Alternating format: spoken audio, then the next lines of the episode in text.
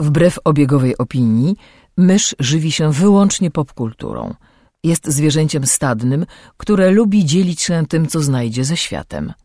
Jej naturalnym sposobem komunikacji jest przerywany śmiechem słowotok. Słuchacie podcastu Myszmasz.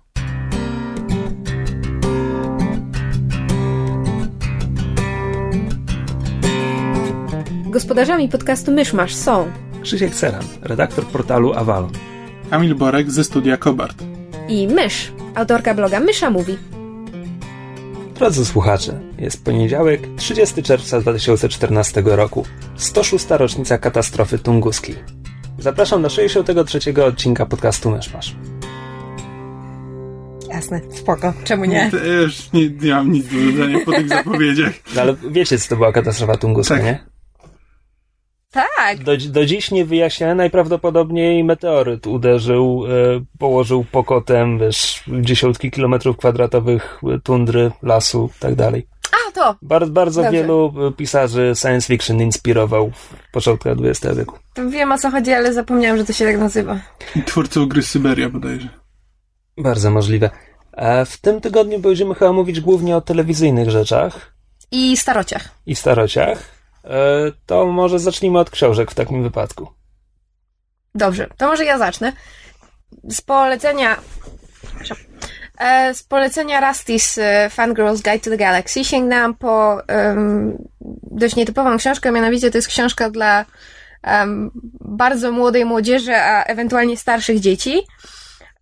Ale okazuje się, że jest to bardzo zadziwiająco dobra i mądra książka. Em, pani autorki Isabel Wills. E, I książka nazywa się Flora Segunda. Znaczy taki jest krótki tytuł, długi tytuł jest, e, jak to Krzysiek słusznie zauważył, ale XIX-wieczna powieść, więc nie będę go tutaj całego przytaczać, zwłaszcza, że jest po angielsku i ma bardzo dużo długich słów i mi się nie chce. E, ale jest to bardzo ciekawa książka.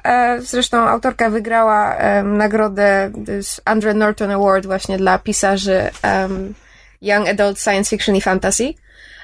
I książka opowiada o młodej, rezolutnej dziewczynce, której mama jest em, wojskowym komendantem, jakby głównodowodzącym siłami, siłami wojskowymi zmyślonego kraju, który się nazywa Kalifa.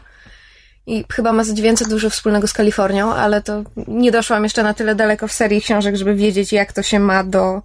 Jak ten wymyślony świat ma się do, do, do naszego rzeczywistego Ja, świata. bo, bo to jest taka współczesna rzeczywistość? E, tak i nie, bo z jednej strony. Bo mówisz, że ma wiele wspólnego z Kalifornią, no to czy to tam są rycerze i smoki, czy... Właśnie to jest, to jest, tr- trudno jest moim zdaniem jednoznacznie określić, czy to jest jakby w wymyślonej przeszłości, czy wymyślonej przyszłości, tylko jakby kulturowo cofający się do czasów około średniowiecza, dlatego że książka jest bardzo, nie wiem, czy bardziej abstrakcyjna, czy bardziej surrealistyczna. Chyba to drugie. Mianowicie, na przykład bohaterowie chodzą w e, strojem oficjalnym, są na przykład kilty, koszule z żabotem i e, trójgraniaste kapelusze. Takie zupełnie po prostu, to jest książka, która kompiluje zupełnie randomowe em, aspekty różnych kultur i na przykład strojów i zwyczajów i robi z tego, i w ten sposób buduje, buduje świat, który jakby bardzo trudno jest rozgryźć, to znaczy na przykład zasady, które się nim rządzą. Owszem, jest to świat, w którym jakby istnieje magia, ale to jest magia, um, znaczy magia nie jest niczym dziwnym, magia jest czymś co- codziennym. Na przykład em, jednym z głównych wątków jest to, że em, w, w, w kalifie istnieją cztery takie główne rody. No i te rody mają swoje wielkie domy, takie pałace, które mają tysiące pokoi i, i, i o każdy dom dba em, butler, czyli lokaj po polsku? Lokaj, Lokaj. majordomus. Tak, magiczny, magiczny lokaj czy majordomus, który, prawda, zapewnia to, że jest gorąca woda i że jest prąd, mimo że jakby nie ma elektryczności i jest gaz, mimo że nie ma gazociągu, tego typu właśnie normalne rzeczy, a przy okazji ma też różne inne magiczne mocy. No i pierwsza książka opiera się na tym, że lokaj domu, do którego należy Flora, nasza główna bohaterka, został wiele lat temu wygnany i Flora go odnajduje, biednego, osłabionego w, w domowej bibliotece i postanawia mu pomóc. No i okazuje się, że to em, wcale nie jest takie proste, jak mogłoby się wydawać i, i, i cała książka właśnie skupia się na, na przygodach Flory, która, która próbuje pomóc temu lokajowi i przy okazji nie, nie narazić się swojej em, swojej mamie. Czekaj, jak to został wygnany, jeśli wciąż jest w tym domu? W sensie, że jakby został odcięty od źródła swojej mocy. Jest takim bardziej osłabionym duszkiem niż potężnym, magicznym e, demonem, bo to są Czyli właściwie w tym demony. ich domu nie ma prądu i gazu? E, są jakieś chyba, nie wiem, pozostałości jakieś, wiesz, ledwo co, ale po prostu jest, jest, jest brudno, jest kurz, nikt nie sprząta, nikt o nic nie dba. Jeżeli Flora nie spełnia właśnie swoich obowiązków, do jej obowiązków należy sprzątanie i dbanie o ten dom, poza, prawda, uczęszczaniem do szkoły, e, to, to jakby wszystko jest, jest brudne, a jeszcze na dodatek musi się zajmować swoim ojcem, który siedzi w, w najwyższej wieży domu, jest szalony, bo został poddany torturom na wojnie. No, ja bym, ja bym, nawet jakbym chciała, to nie była w stanie streścić tej Znaczy, okej, książki, no, bo... Ponieważ, ponieważ zaczęłaś od tego, że to jest powieść dla młodszej młodzieży i dzieci, więc nie będę się czepiał szczegółów. E, ale i o czym, o czym to właściwie jest? Czy to jest po prostu życie tej młodej bohaterki, czy tam Tak, i jakby to- ona ma jakiś cel, do którego dąży, czy Ona- tak z dnia ona- na dzień po prostu? Ona chce zostać, to w książce się nazywa rangerem, czyli po naszemu to będzie, nie wiem, Zależy, czy mówimy o myśliwym, czy mówimy o zwiadowcy. Czy... Jakim- to, to jest Chodzi bardziej o wojskowego na, na, rangera, na czy- zwiadowcy. Tak, że kiedyś, kiedyś był oddział rangerów, właśnie zwiadowców, który był super wypasiony i oni potrafili załatwić wszystko, ale potem ten oddział został rozwiązany. I, I nasza bohaterka nadal marzy o tym, żeby być zwiadowcą, co jest o tyle problematyczne, że to jest teraz zakazane. A z kolei jej rodzina zawsze zawsze szła w, w karierę taką stricte wojskową, czyli tam zostać, nie wiem, porucznikiem, kapitanem, pułkownikiem, generałem i tak dalej. A ona wolałaby zostać zwiadowcą i uczy się na zwiadowcę z takiego małego podręcznika, który znalazła i robi to właściwie nielegalnie. No i cała książka opowiada o tym, jakby, jak nasza bohaterka dorasta i uczy się być sobą i, i, i, i samodzielności. No, to jest bardzo, naprawdę trudno jest opisać, o czym jest ta książka i dlaczego jest taka fajna, ale Dobra, już ja- niesamowicie czyta. Ja mam tylko jeszcze jedno pytanie, ponieważ już powiedziałem, że ponieważ to jest książka dla dzieci, więc nie będę się czepiał, e, ale to jak to opisujesz sprawia, że chciałbym ci zadać mnóstwo pytań o wewnętrzną logikę tego wszystkiego, ale odpowiedz mi tylko na jedno. Czy to jest spójne, jak to czytasz? To jest spójny świat? Czy to ma ręce i nogi, Tak. ta rzeczywistość? Tak, owszem, owszem, są momenty, kiedy, kiedy się czyta i, i ma się właśnie te, takie uczucie absurdu albo s, s, jakiejś surrealności, ale to wszystko ma ręce i nogi, to się układa w naprawdę sensowną, e, może nielogiczną, ale w, w, w tym świecie sensowną całość. To jest naprawdę świetnie napisane, bohaterowie są strasznie ciekawi i, i jakby te, też to, co przeżywają, to, to, to, jakie mają przygody, jest bardzo ciekawe. Nie tylko właśnie mam wrażenie dla, dla młodego czytelnika, ale nawet dla, dla starszego czytelnika. Em, No właśnie, chciałem zapytać, komu, komu to polecasz? Tym wszystkim dzieciom, które nas słuchają? No ale może ktoś, ktoś ma jakieś, e, nie wiem, potomstwo albo e, siostry, znaczy ten rodzeństwa cioteczne, albo jakiś e, któryś z naszych słuchaczy jest cioteczne? Niektórzy mają. Niektórzy rodzeństwo. mają rodzone rodzeństwo, oczywiście. E, może, może są ciociami, albo wujkami, albo chrzestnymi i, i szukają jakiejś fajnej książki, którą można by e, podrzucić. A to pytanie pomocnicze, czy to się ukazało po polsku? Pierwszy tom, z tego co wiem, tak. Drugi chyba już też. Trzeci chyba jeszcze nie. E, jakby po prostu pomyślałam, że wspomnę o książce, bo może są wśród naszych słuchaczy osoby, które interes, interesują się nietypową, ale intrygującą literaturą właśnie z pogranicza, powiedzmy, fantazy i nie przeszkadza im to, że, że książka może być skierowana do, do młodszego czytelnika. No, nadal są przecież ludzie w naszym wieku i starsi, którzy z wielką przyjemnością sięgają po książki typu, nie wiem, Harry Potter, czy właśnie jakieś young adult novels. I pomyślałam, że wspomnę o książce, bo rzeczywiście jest ciekawa, warto się z nią zapoznać i, i jak rozumiem, dlaczego autorka e, wygrała, wygrała nagrodę za swoje teksty, bo naprawdę są zaskakująco wciągające. Naprawdę byłam szczerze, szczerze zaskoczona tym, jak, jak, jak dużą przyjemność mi, mi dało przeczytanie tej, tej książki. Na razie, na razie tylko jedną przeczytałam. Ja Może skoro jesteśmy przy książkach dla Young Adults, tylko wspomnę, bo jeszcze, jeszcze nie skończyłem, ale zacząłem przesłuchiwać e, Ready Player One, o którym już wspominała w podcaście dawno, dawno temu. E, I póki co mam trochę mieszane uczucia, bo to jest fajna historia, ale mam bardzo duże zastrzeżenia do tego, jak jest zbudowany jej świat. Ale to do tego pewnie jeszcze wrócę, jak już skończę, skończę przysłuchiwać. A to na razie tylko taki teaserek. A teraz... Dobra. E, trzymając się książek jeszcze przez chwilę, kończę zbiór opowiadań pod tytułem Czerwona Róża, Biała Róża Eileen Chang. Eileen Chang, jeśli ktoś może kojarzyć nazwisko, to dlatego, że ona napisała opowiadanie, na podstawie którego Angli nakręcił film Ostrożnie Pożądanie. I tak, Eileen Chang jest e, chińską autorką, która urodziła się w 1920 bodajże e, i tam potem w latach 50. czy kiedyś wyemigrowała do Stanów. Już do końca życia tworzyła w Stanach. E, I jej opowiadania, przynajmniej te zawarte w tym tomie, e, wszystkie toczą się w Szanghaju i prawie wszystkie w latach 40., właśnie w czasach wojny. Prawie wszystkie, bo jedno toczy się, zaczyna się na początku XX wieku, w czasach e, Republiki, po, po obaleniu ostatnich, no, ostatniej dynastii cesarskiej. A, tylko, że e, ona pisała, ona pisała na miejscu. Ona mieszkała w Szanghaju pod okupacją japońską, więc te teksty były. Ona je pisała wtedy tak, żeby one mogły wtedy zostać opublikowane, więc ta cała rzeczywistość polityczna, kwestia, że, że dookoła jest wojna, że, że tam Japończycy siedzą i w ogóle e, jest bardzo zepchnięta w w tło. Tutaj tak naprawdę są tylko jakieś wzmianki, że wiesz, że, że żywność jest racjonowana na kartki, czy że teraz trudne czasy.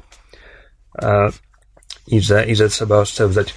Natomiast opowiadania są e, takie bardzo, bardzo obyczajowe. Zazwyczaj, zazwyczaj o miłości, zazwyczaj e, niezbyt szczęśliwej.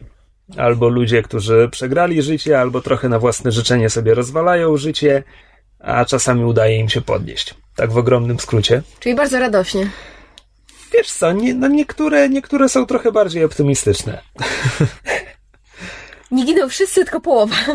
Tak. E, no jeśli ktoś, jeśli ktoś lubi czasem sięgnąć po właśnie taką obyczajówkę, tutaj jest jeszcze ta odrobina egzotyki, że na przykład jak jest rodzina, w której wszyscy przeciwko sobie spiskują, to zwracają się do siebie per pierwszy bracie, druga siostro i tak dalej. E, co jest to dlatego, że Chińczycy mają 150 określeń na e, powiązania rodzinne. Mhm. Wiesz, tam masz inne, inne słowo na starszą siostrę, inne na młodszą siostrę, no tak. starszego brata, młodszego brata, e, dziadek ze strony matki, dziadek ze strony ojca i tak dalej, i tak dalej. Mhm. E, I to właśnie, no jak jest tłumaczone, to wychodzi właśnie z tego coś w rodzaju star, starsza panienko, druga siostro, tak dalej. Mm. Co by jeszcze? Jeśli ktoś ma ten gust podobny do mnie, to może zachęci go informacja, że jedno z opowiadań nosi tytuł Kwiat osmantusa gotowany na parze, czyli Smutna jesień Asiao. Wow. Ja jak widzę coś takiego, to muszę się przynajmniej przekonać, o czym to jest. Nie, prawdę mówiąc, ja jak widzę coś takiego, to od razu się spinam. No, także Eileen Chang, Czerwona Róża, Biała Róża, e, to jest wydawnictwo... Jakie to jest wydawnictwo? Przepraszam. Jestem bardzo przygotowany do tego wszystkiego. To jest wydawnictwo WAB. E, I to wyszło 7 lat temu u nas. Właśnie przy okazji, kiedy Ostrożnie Pożądanie było w kinach, mam wrażenie, że wtedy ją trochę wydawano. Mhm. No, na pewno to nie jest jedyny, jedyny jej zbiorek, który się u nas ukazał, bo Ostrożnie Pożądanie też jest dostępne. Ktoś to nawet wydał jako osobną taką cieniuteczką książeczkę, gdzie jest tylko jedno opowiadanie. Z filmową okładką oczywiście, z aktorami. Dang Zi i kto tam jeszcze był. Cieniuteczką? Bardzo That, cieniuteczką. That's a word. Cieniuteńką. That's not a word? Cieniuteńką się mówi. Dobrze. E, to chyba zamykamy już bibliotekę. Chyba tak. To teraz telewizja, czy teraz te starocie? Telewizja? Może telewizja. To ja na chwilę wyjdę, bo i tak nie lepsze rzeczy do roboty, a i tak nic nie słyszałem, nie widziałem w tym tygodniu. To jest znakomita zachęta dla naszych słuchaczy, jak mówisz, że masz lepsze rzeczy do roboty niż słuchać tego, co będziemy teraz mówić. tak. Nie, muszę coś zrobić. Żegnaj! Żegnaj! Bezpiecznej drogi! Pomijając, że i tak będzie tego słuchał, jak będzie montował. No ale co tam? E, no to zacznijmy może od tego, czego najbardziej nie chciał słuchać, czyli od Trublada, Tak jest. Który zaczął swoją siódmą serię, szczęśliwie ostatnią. I szczerze mówiąc, ja liczyłem, że skoro to jest ta ostatnia seria, to oni się zepną, zamkną to z wykopem, a ten początek jest tak niesamowicie nijaki, Mm. tak kompletnie żaden. Mimo, że teoretycznie zaczyna się wielką sceną bitwy i naparzania się. To Tam nawet właściwie- jest, jest ociupinkę ładnej choreografii, ale tak, to ale też jest nadal rozwiązane jakby nic nie daje, nie wzbudza żadnych y, emocji, żadnych, y, żadnej reakcji, mam Tam- wrażenie. Tam ginie jedna z postaci. Tak, i to też tak Postaci nie, obecnych w serialu od dawna. nie do końca definitywnie ginie, jak twierdzą twórcy. Tak, no, ponieważ nie widzimy tego na ekranie. E, I też ja nie do końca, nie do końca pamiętam, jak działa ta mechanika wampirów, ale czy stwórca nie powinien czegoś odczuć? Tak. Tylko, tak. że z drugiej strony tam była chyba ta kwestia I release you i ja nie wiem, czy to przypadkiem nie, nie przecina tych wszystkich więzów. To, to jest Nie serial, którym, pamiętam, nie chce mi się sprawdzać. to jest serial, w którym już takie bzdurne, dziwne rzeczy były a propos mitologii świata, że naprawdę nie, nie zdziwiłabym się, gdyby ta postać wróciła Znaczy- w formie poltergeista. No nieważne. Znaczy, ja się nie zdziwię, jeśli postać wróci, zwłaszcza, że to jest przedstawione tak jakby, no to jest niedopowiedziane. Natomiast to, co mnie dziwi, to jest jak kompletnie ludzi, bohaterów serialu to nie obchodzi i jak serial zwraca uwagę na to, że to ich nie obchodzi, gdzie tam dosłownie postać mówi, nic nie czuję. to jest jakaś, jakaś komedia się z tego robi. E, No są wszystkie trubladowe zagrywki, jest, jest e, absurdalna krew, absurdalny seks i to też już nie robi wrażenia, kompletnie. Znaczy Karolina Wydra pokazuje cycki, super, ale Co z tego? co z tego? No. Tak, Suki czyta w myślach i przeczytała coś, czego nie chciała przeczytać. O buchu. A nie, właśnie, ojej, wracają do wątków, które wydawało mi się, wydawało mi się, że ta postać jakby już wyrosła ponad to, że ona się pogodziła z tym, kim jest i w ogóle, a teraz to wraca. Znaczy, wiesz co, mam wrażenie, że, że nie miała jakby czasu, bo zauważ, że jednak Trublot, owszem, ma siódmy ostatni sezon, ale wychodzi co roku tylko w wakacje. Ma tam, nie wiem, 12-13 odcinków chyba. Coś takiego. E, I to jest jednak mimo wszystko serial, który dzieje się w bardzo krótkim czasie. To znaczy, pierwsze cztery sezony to jest chyba miesiąc czy dwa miesiące akcji w Znaczy, samym ja, świecie. ja pamiętam, ja pamiętam, że tam zawsze jest, że, że następny sezon zaczyna się sekundę po tym, jak skończył się poprzedni, tylko że tam bardzo często na końcu sezonu są przeskoki czasowe przed ostatnią sceną ostatniego odcinka. No tak, na przykład w końcówce szóstego sezonu końcówce był przeskok o rok chyba, ale to jest jeden A z... potem jak, jak Suki wcięło w Krainie Wróżek, Tak, tam też też, było. był rok, ale tam pomiędzy też były przeskoki, które nie były precyzowane. Na przykład kiedy Bill próbował jej się oświadczyć, tam nie wiadomo ile czasu minęło Tak, ale to mimo wszystko jest... Tak, tak naprawdę całe siedem sezonów serialu, pomijając przeskoki czasowe, fabularnie to jest mniej więcej maksymalnie rok. Nie licząc przeskoków czasowych. To jest mniej więcej rok akcji samej. I to Może. jest, to jest z bardzo dużym marginesem błędu. Więc gdy weźmie się pod uwagę to, ile się wydarzyło i w jak krótkim czasie, to ja się trochę nie dziwię, że A, postacie nie miały czasu się rozwinąć, B, mają znieczulicę. Mnie się to Widzisz- nie podoba. Ja wiem, że to jest wymówka, ale jakby... A według mnie ty y, za duże zasługi przypisujesz twórcom w tym momencie. Znaczy, że oni naprawdę myślą nie, ja, o tym, ja nie mówię, że oni o tym w takim myślą. okresie... To jest wymówka, właśnie o to chodzi. Aha. Znaczy twoja wymówka, tak? Żeby usprawiedliwić... Znaczy powiedzmy internetu na zasadzie, że ale pamiętajcie o tym. Znaczy, No nie, ja, nie, ja o tym nie, to- to pamiętam, ale działa. to nie jest, tak, to nie działa, to nie jest, em, to nic nie usprawiedliwia, o, w ten sposób. Znaczy, e, dobra, wracając jeszcze do odcinka, ten serial mnie już tak nie obchodzi, że ja w pewnym momencie musiałem wejść na IMDB i sprawdzić, e, ki- kim jest postać, która właśnie ma swoją scenę, bo kompletnie zapomniałem, chociaż była nawet w tym, e, w poprze- poprzednio w Trublazie. Była, tylko oglądałem to jednym okiem, więc kompletnie nie pamiętałem, kim jest ta Wilma, Willa, A, córka tego gubernatora. Tak, tak. tak, tak, tak. Kompletnie wyparłem z no, pamięci, że nowe dziecię jest. E, tak. A czy zauważyłeś, że po drodze zmienili jednego aktora, bo to jest istotne. Eee, nie. Ale o ile, o ile ta postać jest jeszcze jakoś w miarę z sensem napisana, to jak, jak on poznał Jessikę w tym tam obozie koncentracyjnym dla wampirów, jest Maria, ależ ten serial jest głupi. Przepraszam, musiałem dodać na marginesie. O tyle cały ten wątek Karoliny Wydry i Jasona jest O Boże. Ja nie wiem, co tam się dzieje. Znaczy, ja to pamiętam, co tam się działo w poprzednim sezonie, ale nie wiem, co tam się dzieje. To jest tak głupi serial. I, znaczy, on nigdy nie ukrywał tego, że jest głupi.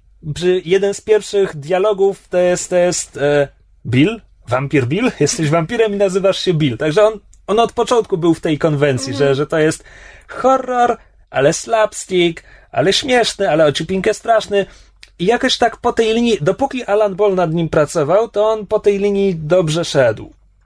Ale te trzy ostatnie scenariusze, no w sumie już ostatni sezon Bola też był już taki sobie. Mm, na granicy. E, ale to po prostu już tak kompletnie zeszło w stronę farsy, tylko że farsy, w której, no w której nie ma już specjalnie zalet. Znaczy, ja wciąż tam lubię parę postaci i niektóre z nich wciąż są fajnie pisane. Pam wciąż jest fajna. Tak, wątek Pam był najfajniejszy w sumie w tym pierwszym odcinku. Tak. E, no dobra, wiem, że obejrzę ten sezon do końca, No, bo, tak, bo oglądam no, od już- 6 już lat. Trzeba, już trzeba. Tak, chcę się przekonać, jak ta farsa się skończy, ale. Ale jest źle. To, to jest naprawdę zły serial w tym momencie. A się tak zastanawiam, bo jednak te, te pierwsze, pierwsze dwa sezony były super, trzeci był ok, czwarty był już tak eh. O następnych nie będziemy mówić, bo to już jest kompletna porażka. Ale się zastanawiam, jak duży wpływ na spadek formy serialu miało to, że właśnie on jakby zaczynał od takiego trochę nietraktowania się serio, bo wiedzieli, że robią na miłość boską serial o wampirach i to jest właśnie ma elementy takiej farsy i, i, i po prostu jest, jest, no jest nierealny. Jak bardzo im zaszkodziło to, że serial zyskał taką sławę i renomę, że wiesz, o, metafora homoseksualizmu, wampiry wychodzą z trumny, geje wychodzą z szafy i tak zaczęłam o tym myśleć, zwłaszcza w kontekście tego najnowszego sezonu, gdzie e, mamy, prawda, e, wampiry em, opętane plagą tego V, czyli tej żółtaczki wampirze. I tak się teraz zaczęłam zastanawiać, jak bardzo twórców ugryzło w dupę to, że teraz mają, mają em, paralele do AIDS i wampirów, którzy rzucają się randomowo na ludzi i w ogóle należy się ich bać i tępić. I o Boże, jak to pięknie wypada w kontekście Ojej, homoseksualizmu co, nawet- i chorych na AIDS. Nawet no po o prostu tym nie pomyślałem, ale, jest, tak sobie strzelili w stopę, ale tak to, jest, to straszliwie. jest niemal, niemal na skalę. E, jeśli, jeśli mogę odejść od telewizji i przejść do komiksów na moment. W latach 90. w komiksach o X-Menach był wątek e, choroby tak zwanego wirusa spuścizny, który tam coś. E, Legacy Virus, tak, tak, tak, Już nie mieszajmy się, kto za tym stał. E, I polegało to na tym, że to była choroba. To była metafora, to, to była metafora AIDS, jakby nikt tego nie ukrywał. To były, to były wiesz, głębokie lata 90. Tyle tylko, że to była choroba, który, na którą zapadali e, tylko mutanci. I to już było bardzo bolesne. No. Potem się jednak okazało, że ludzie też mogą, ale, ale zarażają się od mutantów, więc to wciąż była bolesna metafora. Tak, trochę, trochę się omskli i nie wyszło. No to właśnie Trochę się zastanawiam się, wyszło. zastanawiam się, jak to wypada w wypadku Trubloda, zwłaszcza, że już się pojawiły głosy pod tytułem ale żeście sobie fajną zrobili metaforę homoseksualizmu, teraz zobaczcie, jak bardzo was to ugryzie w dupę. No. E, tak, więc to był głupi odcinek głupiego serialu i... I dobrze, że się kończy. Słuchaj, a e, pytanie obiektywne. Czy byłabyś w stanie polecić komuś True Blood? Na zasadzie tak, ale przestań oglądać po, nie wiem, Tak. trzecim, czy... Tak, znaczy biorąc pod uwagę, jakie ja potrafię beznadziejne rzeczy oglądać tylko dlatego, że na przykład są tam pokazane wampiry, to jestem skłonna uwierzyć, że są osoby takie jak ja, które mogłyby ten serial obejrzeć może nawet i do końca tego siódmego sezonu, tylko i wyłącznie dlatego, że jest o wampirach i, i, i poza tym jest też ten element pod tytułem a już zaczęłam, to może i skończę. Czyli co, czyli jeśli ktoś z naszych słuchaczy nigdy nie próbował, to może, może spróbować od początku. Do powiedzmy czwartego sezonu. Wiesz A co, potem to już na własne ja bym, ryzyko. Ja bym nawet nie mówił tak orientacyjnie. Jeśli, jeśli ktoś teraz zacznie to oglądać od początku i w pewnym momencie poczuje, że to się robi za głupie, to to jest dobry moment, żeby przestać. Tak, Bo potem będzie tylko gorzej. to akurat jesteśmy w stanie zagwarantować. No dobra, to wystarczy o tym, tym e, porno slapsticku. I co jeszcze Taki będzie tytuł odcinka. No to może ja powiem o tym tam. O tym tam, to powiedz. Tak, owocu zatrutego drzewa. E, Będziesz wężem w ogrodzie. pilot serialu Flash od stacji The CW, tej samej, która robi Arrow, wyciekł do internetu. Dwa miesiące przed czasem. You had one job, the CW. You had one job. To jest ich ostatni serial, który wychodzi. E, Masakra. To jest, e, to jest taka kopia promocyjna, tam czasami, czasami w podobny sposób do internetu wyciekają e, kopie filmów, które Akademia rozsyła tak, swoim Oscarowe. członkom Oscarowe, tak. tak. więc tutaj są podobne obostrzenia. No ktoś, ktoś e... wrzucił w internet, no. Szczerze mówiąc, ja się zastanawiam, czy to nie jest w pewien sposób kontrolowany przeciek. Bo to jednak jest sposób, żeby zwiększyć zainteresowanie serialem, serialem, który zauważ jest spin-offem. Spin-offy mm. zawsze mają trudniej.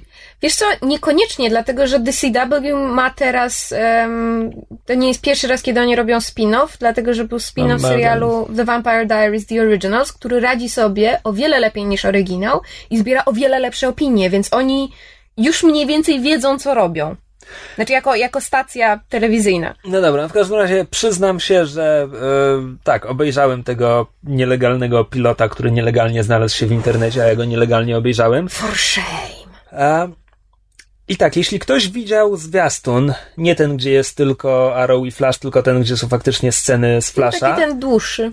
Taki ten dłuższy, to właściwie widział tego pilota. Mhm. Bo ten zwiastun był w całości zmontowany ze scen z pilota i prawdę mówiąc zawierał całą szczątkową fabułę, która w tym pilocie jest. A to jest podobno ostateczna wersja tego odcinka, no bo efekty specjalne są gotowe, tam wszystko jest na swoim miejscu, nie ma, że gdzieś został green screen czy coś, ale oglądając to ja wcale nie byłem pewien, czy to jest ostatnia wersja montażowa. Jeśli jest, no to najwyraźniej ktoś po, pomyślał sobie, hmm, serial o Flashu, najszybszym człowieku świata, musi mieć szybkie tempo. Oj. Więc ten odcinek ogląda się tak, jakby ktoś wiesz, wziął sobie tę maksymę Hitchcocka do, do serca, że film to jest życie, z którego wyciął to wszystkie, wszystkie nudne kawałki. Mm. Tylko, że tutaj po wycięciu wszystkich nudnych kawałków e, ten pilot ma kompletnie rozwalone tempo. Tam, tam nie ma scen, żeby, żeby złapać oddech, żeby jakaś scena wybrzmiała, one mhm, się w ogóle tak jasne. strasznie szybko kończą. E, I to robi dziwne wrażenie. To jest pierwsza dziwna rzecz. Druga dziwna rzecz to znowu było coś, co, co internet podejrzewał od samego początku, że tak jak w Arole główny bohater ma tam grupkę sprzymierzeńców i to, tam się żartobliwie nazywa Team Arrow, to już nawet do serialu przeciekło, e, że Flash dostanie, że twórcy będą próbowali dać Flashowi taki, taki zespół od samego początku. No i faktycznie tak jest, że, że w tym odcinku on dostaje już swoją grupkę sprzymierzeńców, którzy znają jego sekret i mu pomagają. To to było widać w zwiastunie. Mhm. Tylko, że w Arole to działało, bo mieliśmy czas poznać tych ludzi, zanim oni poznają sekret Oliwiera, zanim zostaną jego sprzymierzeńcami i to były postacie. No tak. Tutaj to jest po prostu grupka tekturowych, wiesz, znaczy postaci tekturowych do tego stopnia, że jedna dziewczyna w pewnym momencie mówi głównemu bohaterowi całą swoją motywację. Słuchaj, nie uśmiecham się, bo moja kariera legła w gruzach, mój narzeczony nie żyje, i, więc nie mam powodu, żeby się uśmiechać. E, to zresztą i tak jest większy charakter niż ten chłopak, który im pomaga, o którym mogę powiedzieć tyle, że wygląda zaskakująco podobnie do Ellen Page. Ale, ale nie bardzo wiem, czy, czy na jakiś charakter. E, Natomiast główny bohater, ty pamiętasz jak ten aktor się nazywa, bo to ktoś kogo Grant lubisz? Gustin. Grant Gustin. E, widzieliśmy go w Arole w e, dwóch odcinkach, wypadł tam sympatycznie. Grał w Glee, też wypadł dobrze. Tutaj wypada fajnie. Wypada mhm. po prostu fajnie i już widać, że Flash to będzie serial. Jeśli ktoś próbował oglądać Arrowa i nie przeszkadzała mu telenowelowość i drewniane aktorstwo, ale przeszkadzało mu, że to jest taki Batman light, że to jest wszystko takie mroczne, posełpne, bohater się nigdy nie uśmiecha i tak dalej, e, to Flash może być serialem dla niego, bo tutaj jest serial, gdzie... Więcej luzu. E, więcej luzu, gdzie bohater, tam jest oczywiście tragedia w, w początkach Wiadomo. historii postaci, Przecież nie może być szczęśliwy superbohater, to się nie godzi. No właśnie, kreskówkowy Flash mógł być szczęśliwy i, i dlatego był fajny. No dobra. E, ale tutaj faktycznie, wiesz, on od początku ma, ma moce, to jest serial, który w ogóle nie wstydzi się tych swoich komiksowych korzeni, bo bohater ma moce, jego przeciwnicy już widać, że będą mieć moce. No dodatek w zabawny sposób jest ograniczone, że Arrow ma swój świat we własnym mieście, Flash będzie miał swój świat we własnym mieście, ponieważ to wydarzenie, które dało mu moce, było, było skupione dookoła tego miasta. Mm. Więc w jego mieście będą przeciwnicy z mocami, a u Arała nie, nie będzie. Bo oczywiście nie istnieje coś takiego jak wsiąść w samochód i pojechać do innego miasta, nie? Tak, tak, tak. E, ta scena ze zwiastunu, gdzie, gdzie Flash rozmawia z Arrowem, to też jest już w pilocie. E, I ona się bardzo fajnie kończy. Mm. Nie, nie chcę mówić, co nie, tam jest, ale tam nie jest mów, coś... bo ja też pewnie obejrzę. E, to, to, nie jest, to nie jest nic niezwykłego, to nie jest nic nadzwyczajnego, ale to jest po prostu... fajnie zrobione. Fajne poprowadzenie postaci w taki mm. fajny sposób. Jakby coś, czego coś, czego bardzo się obawiam przy następnych filmach DC w momencie, kiedy następny film nazywa się Batman kontra Superman, to bardzo mi się podoba relacja Flasha i Arrowa, która już się tutaj zaczyna. Mhm, jasne. Dobra. I chyba tyle o tym wystarczy. No, jeśli ktoś ogląda Arrowa, to na pewno polecam, żeby od października zaczął legalnie oglądać ten serial. E, jeśli kogoś odrzucił Arrow, no to sugeruję dać szansę. Pewnie Flash też się nie spodoba, bo to jest jednak cały czas podobna poetyka. Sama zresztą mówiłaś, że ta stacja wszystkie seriale kroi mniej więcej według jednego wzorca. Tak, faceci bez koszulek i średnio dobre efekty specjalne. To jest mniej więcej podsumowanie DCW. Właśnie tego się trochę obawiam, bo ten Flash będzie wymagał dużo więcej efektów specjalnych niż Arrow i, i już widać, że to jest tak no może nie lata 90., ale, ale wczesne 2000. Akurat żeś trafił. Wrócił, wrócił z dalekiej podróży. How was it? Przywiozłeś nam jakieś piękne pamiątki. Koraliki. Dobra, to przebiliśmy się już przez Trublada i Flasha. Co jeszcze mamy z telewizji? Znaczy ja mam początek czwartego sezonu Teen Wolfa, ale um, nie mam dużo do powiedzenia. To znaczy osoby, które oglądają serial, to prawdopodobnie widziały e, ten e, premierowy odcinek czwartego sezonu i mają zbliżone do mnie zdanie. To znaczy, fajnie, że serial wrócił, ale coś jest ostro nie tak z tym odcinkiem. To znaczy, e, twórcy, mam wrażenie, za bardzo się starali um, zbudować napięcie i, i zaintrygować widzów na zasadzie, że dajemy wam tajemnicę, ale nie mówimy o co chodzi, ale dajemy wątki, ale nie mówimy o co chodzi. Po prostu tak totalnie zagmatwany był ten odcinek, że nawet, nawet ja jako jakby stała, e, stała, stała widz? Stała widz, tak, stała widzka. jako E, fanka serialu i osoba, która e, regularnie go e, ogląda, siedziałam i się zastanawiałam, ale, ale, ale to jest bez sensu. Nawet jak na standardy Teen Wolfa, który nigdy nie był zbyt inteligentnym i, i podążającym e, za logiką serialem, to to mimo wszystko jest naprawdę bez sensu. I widać, że twórcy wyraźnie starali się zrobić odcinek pod tytułem premiera czwartego sezonu. Damy wam taki wow faktor, że będziecie zaintrygowani, zaciekawieni, z chęcią wrócicie do następnego odcinka tak, wrócimy, ale tylko po to, żeby zobaczyć, czy będzie jeszcze gorzej, czy to jest jakaś tendencja spadkowa, czy po prostu nie udał się premierowy odcinek. Należy przyznać, że na koniec był bardzo ciekawy twist a propos um, jednej z, z ulubionych postaci fanów, to jest Derek, czyli tam jeden z tych głównych wilkołaków, e, e, jedna z najstarszych wiekiem postaci. E, i, I jest to intrygujący twist, jakby e, z jednej strony, a, nikt się tego nie spodziewał, b, fani serialu zare zareagowali dość gwałtownie, dlatego że twist jest o tyle specyficzny, że można odnieść wrażenie, iż twórcy bardzo dokładnie czytają fanfiki w internecie i dokładnie wiedzą, um, co pokazać w serialu, żeby wywołać konkretną reakcję wśród fanów. A jeżeli ktoś nie ogląda Teen Wolfa, to, to jakby zawsze Teen Wolfa polecam, bo to jest, to jest trochę jak Arrow. Jeżeli komuś nie pasuje ten klimat, to mu się na pewno nie spodoba, ale to jest serial, który mimo pewnej infantylności i głupotek i pewnego kiczu jest przy tym strasznie sympatyczny i to jest rzeczywiście jeden z najlepszych młodzieżowych seriali, które są obecnie na antenie. Już pomijam, że jeden z niewielu naprawdę fajnych seriali młodzieżowych z elementami tam ponadnaturalnymi, czy jakby tego nie nazwać. Więc premiera czwartego sezonu Teen Wolfa, eh, ale czekamy, co będzie dalej, zapowiada się bardzo fajnie. No i to tyle. Przechodzimy do nie, filmów? Nie, jeszcze e, a propos seriali, to ja mam trochę archeologii serialowej. O. To znaczy, ja już da, dawno temu, wiele miesięcy temu mówiłem, że zacząłem oglądać Angela i udało mi się... Brzmi jak brazylijska telenowela. Odrobinę, tak.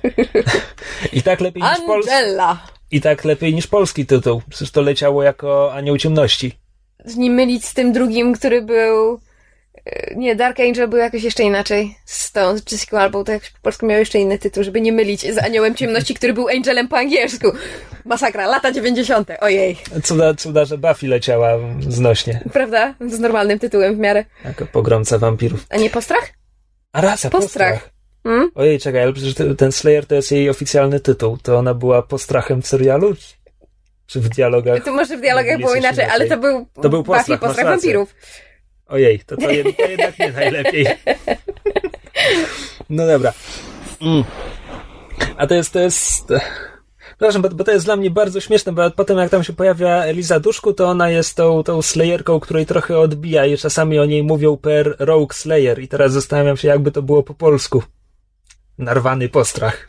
Biorąc pod uwagę, że ostatnimi czasy w polskiej telewizji co weekend lecą X-Meni, lecą ci z cudownym A bo to tłumaczeniem Pol, Polsat ma takie tłumaczenie, gdzie zawsze jest burza, wilk. Wilk i Szelma jako Rogue, więc to byłby e, sz- szelmowski postrach.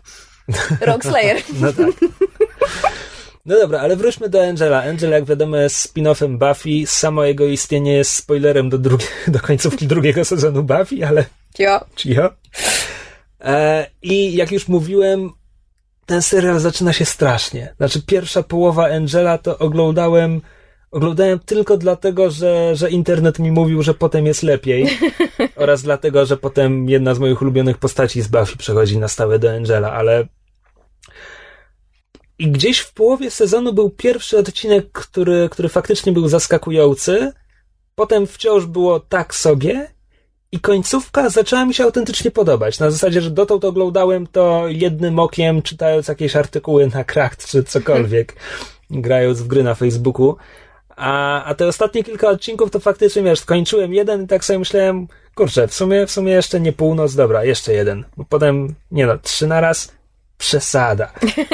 Naprawdę zaczęło mi się to podobać, bo pojawiły się interesujące postaci. E, pojawił się, pojawiła się postać grana przez jakaś na- J. August Richards, dobrze kojarzę? Gość, który grał Mike'a Petersena w Agentach Tarczy. Chyba tak. Chyba tak. Głowy nie dam. No w każdym razie, tak, więc on, on z Widonem zaczął pracować w 2000 nad, nad Angelem. E, swoją drogą, akcja Angela toczy się w Los Angeles, mieście, jak wiadomo, różnorodnym etnicznie, więc to jest sukces, że e, pierwsza, ważniejsza postać, która pojawia się na wiele odcinków, e, która nie jest biała jak śnieżynka, pojawia się już w 20 odcinku, a nie w siódmym sezonie, jak to było w Buffy. E, coś się zaciąłem odrobinkę. Przepraszam, zbieram myśl. No i jeszcze powinieneś coś powiedzieć o tym Angelu, bo jak na razie to opowiadasz o wszystkim dookoła. A coś... Jak tam David Boreanaz? A czemu, czemu akurat teraz postanowiłeś o tym rozmawiać? W sensie No, skończyłeś ponieważ zupełnie? skończyłem, czy... nie, skończyłem pierwszy sezon. A, tylko pierwszy sezon. E, I Powiedział Kamil z pogardą. nie, bo Kamil gapi się ci- w tablet i mnie nie słucha tak naprawdę. Długo ci to zajęło.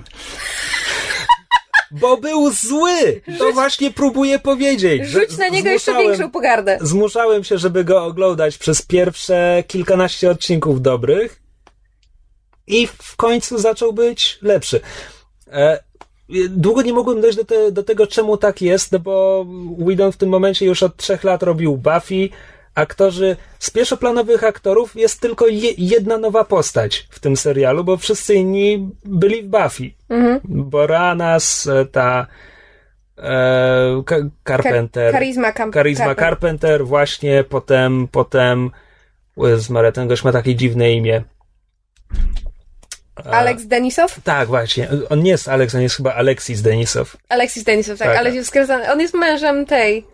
Alison Hannigan, Tak, tak, tak, czyli Willow. E, no w każdym razie, więc wszyscy ludzie, którzy, którzy sprawdzili się w Buffy, a tutaj są tak drewniani, jakby, jakby pierwszy raz mieli do czynienia. kamerą. Tak, tak, tak. E, ale potem z- zajarzyłem, że pierwszy sezon Angela powstawał w tym samym czasie, co czwarty sezon Buffy, który jest zły. Znaczy, tam są jedne z najlepszych odcinków, Hash na przykład, ale sezon ogólnie był zły, więc, więc to chyba był po prostu kiepski okres dla Widona z jakiegoś powodu. No, a Elgel, a, Elgel? E- Elgel, tak. No bo wiesz, Los Angeles, tak, gangsterzy go tak nazywają. E, Suchar. Suchar dnia. nie wiem, on jest dziwnie skonstruowany, bo tam nie ma. Tam jest. Tak jak w Buffy zawsze jest jakiś potwór sezonu, prawie zawsze. Wiadomo z kim oni walczą i do czego to wszystko dąży. Tak tutaj jest e, tajemnicza, zła firma prawnicza, która ma, do czynienia, która ma do czynienia z demonami. Tak. i kompletnie nie wiadomo o co tym ludziom chodzi. Oni tam po prostu są i służą jakimś złym ludziom.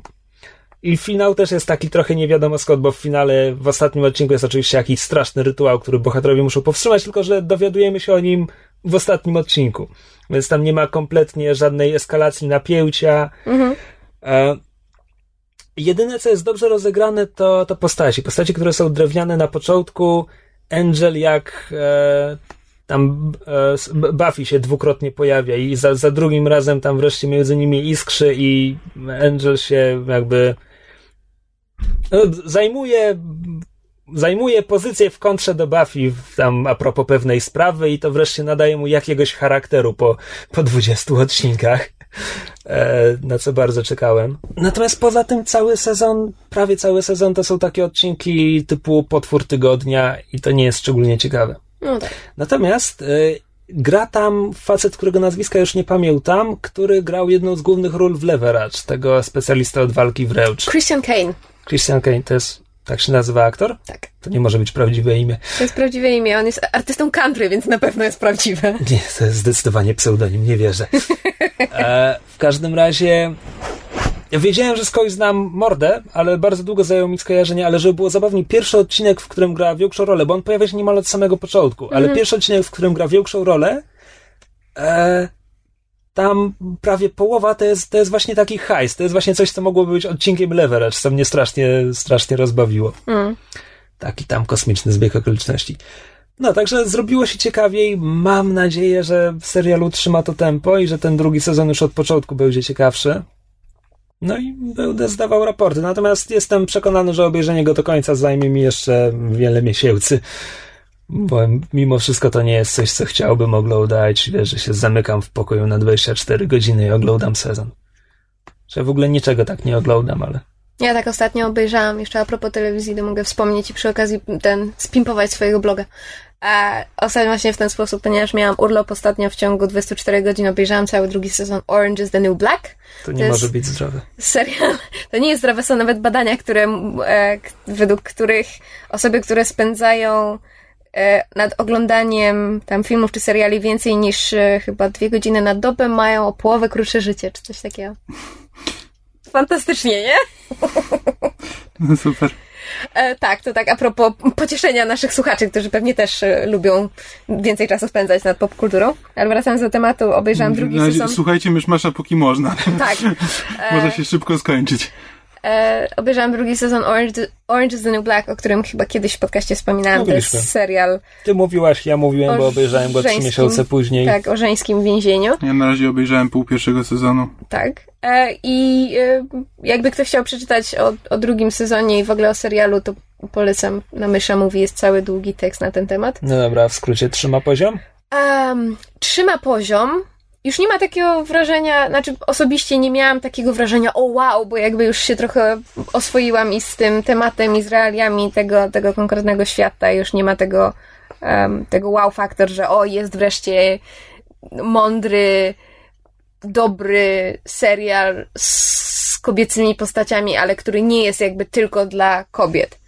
E, I drugi sezon pod tym względem jakby też nie zawodzi, wprowadza nowe postacie, wprowadza nowe wątki, eskaluje pewne konflikty, stwarza nowe, rozwiązuje inne i pod paroma względami jest lepszy niż, niż e, pierwszy sezon.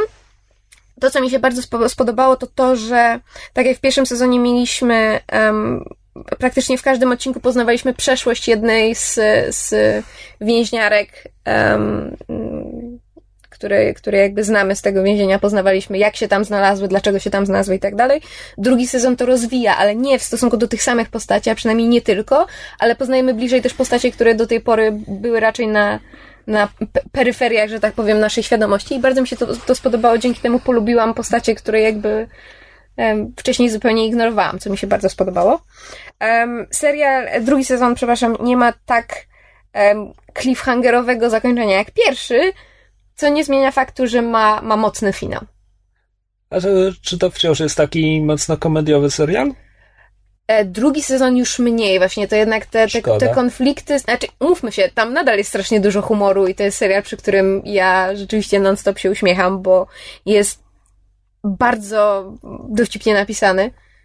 E, ale jakby po prostu konflikty mają troszeczkę, jakby poziom napięcia jest trosze, trosze, troszeczkę wyższy, stawka jest wyższa, e, to prawda, o co toczą się te, te konflikty. Um, ale dzięki temu serial mam wrażenie, tak jak pierwszy sezon był bardziej um, komediowy, drugi jest troszeczkę bardziej dramatyczny, ale to jakby nic mu nie, ujm nie ujmuje. O. Ale skoro mówiliśmy o starej telewizji, to może Kamil teraz powie dwa słowa o filmach, które ostatnio widział, które są um, klasyką lat 90. E, Wojownicze żółwie ninja? Nie. Nie. Ale prawie tak dobrze. Autentycznie. Wait for it.